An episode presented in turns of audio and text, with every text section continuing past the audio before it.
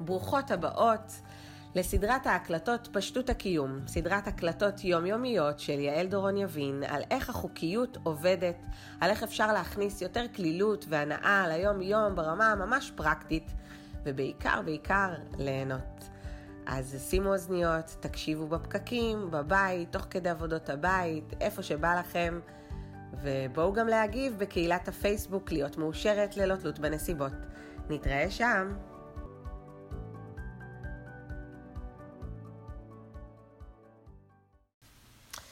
היום אני רוצה לדבר איתכם על רגשות של חמלה, אהבה עצמית וקבלה. כמובן שזה נושא מאוד מאוד גדול, ואולי אנחנו ניגע בו בהקלטות הבאות בכל מיני קטנות.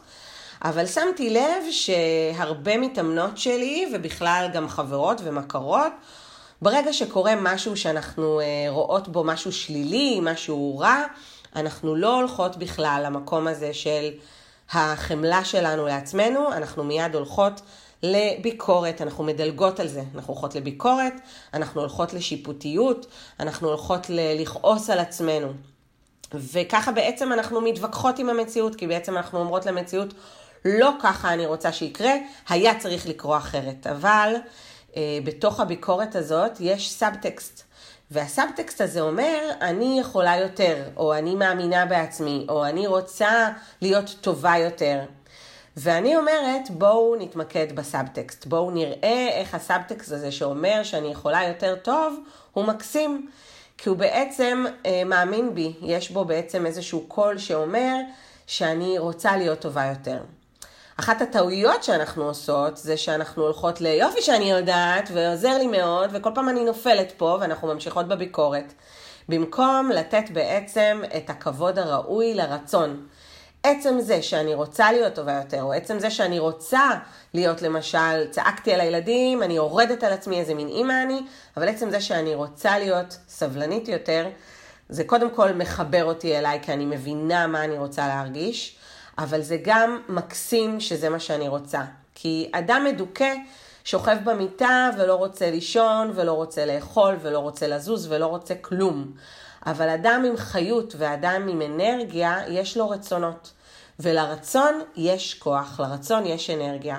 אז עצם זה שעלתה לי ביקורת על עצמי, זה כבר מראה לי שיש בי רצון למשהו אחר, והרצון כבר מקסים, כי זה אומר שאני בחיות, שאני משהו אחר.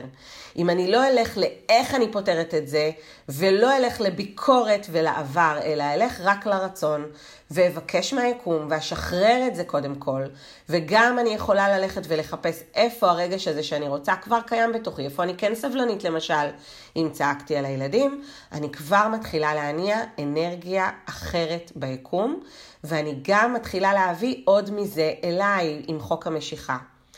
בעיקר בעיקר אני מתרגלת ומתאמנת על יותר ויותר חמלה, יותר ויותר אהבה עצמית, יותר ויותר קצת הנחות לעצמי.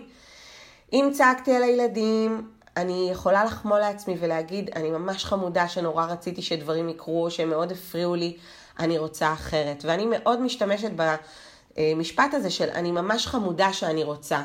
זה עוזר לי גם עם רגשות אשמה, שזה משהו שכבר לא היה קיים אצלי המון המון שנים, ופתאום חזר בשנה האחרונה, ואני אומרת לעצמי, אני ממש חמודה שאני רוצה להשקיע באריאל, שאני רוצה להשקיע בעידו.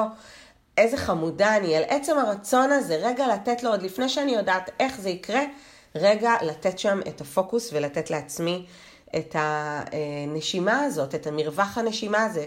וזה מתחיל לתרגל יותר ויותר אהבה עצמית.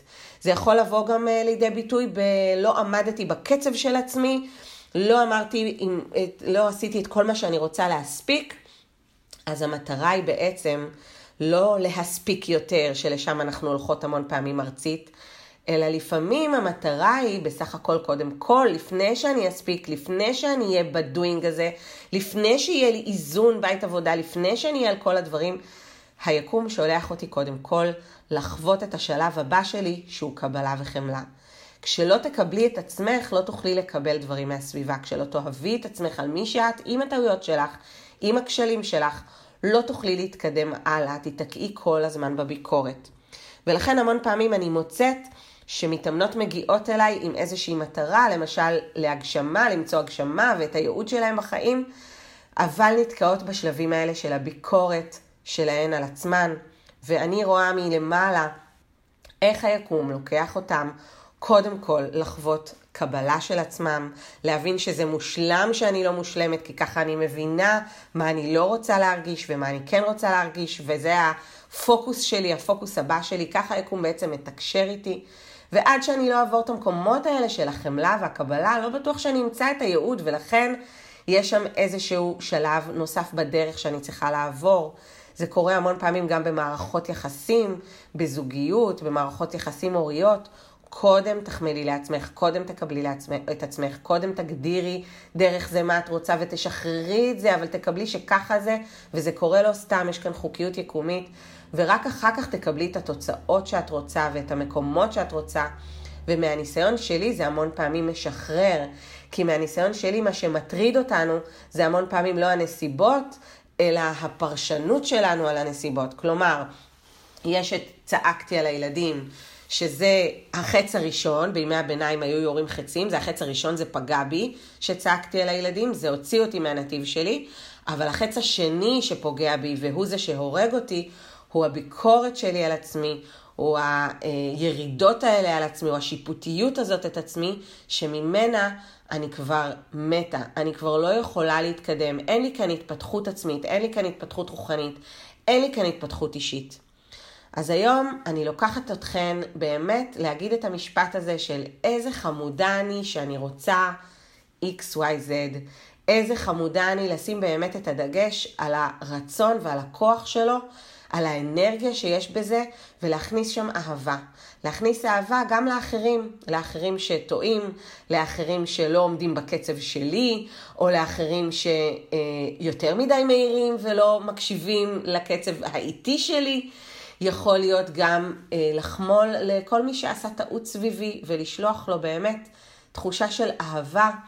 כשאני שולחת אהבה, אני גם אוהבת את עצמי יותר. יש פה עוד המון המון דקויות שאני לא נכנסת אליהן כרגע לעומק, אבל שימו לב למקומות האלה של עם איזה תדר אני מגיעה לסיטואציה אחרי שטעיתי.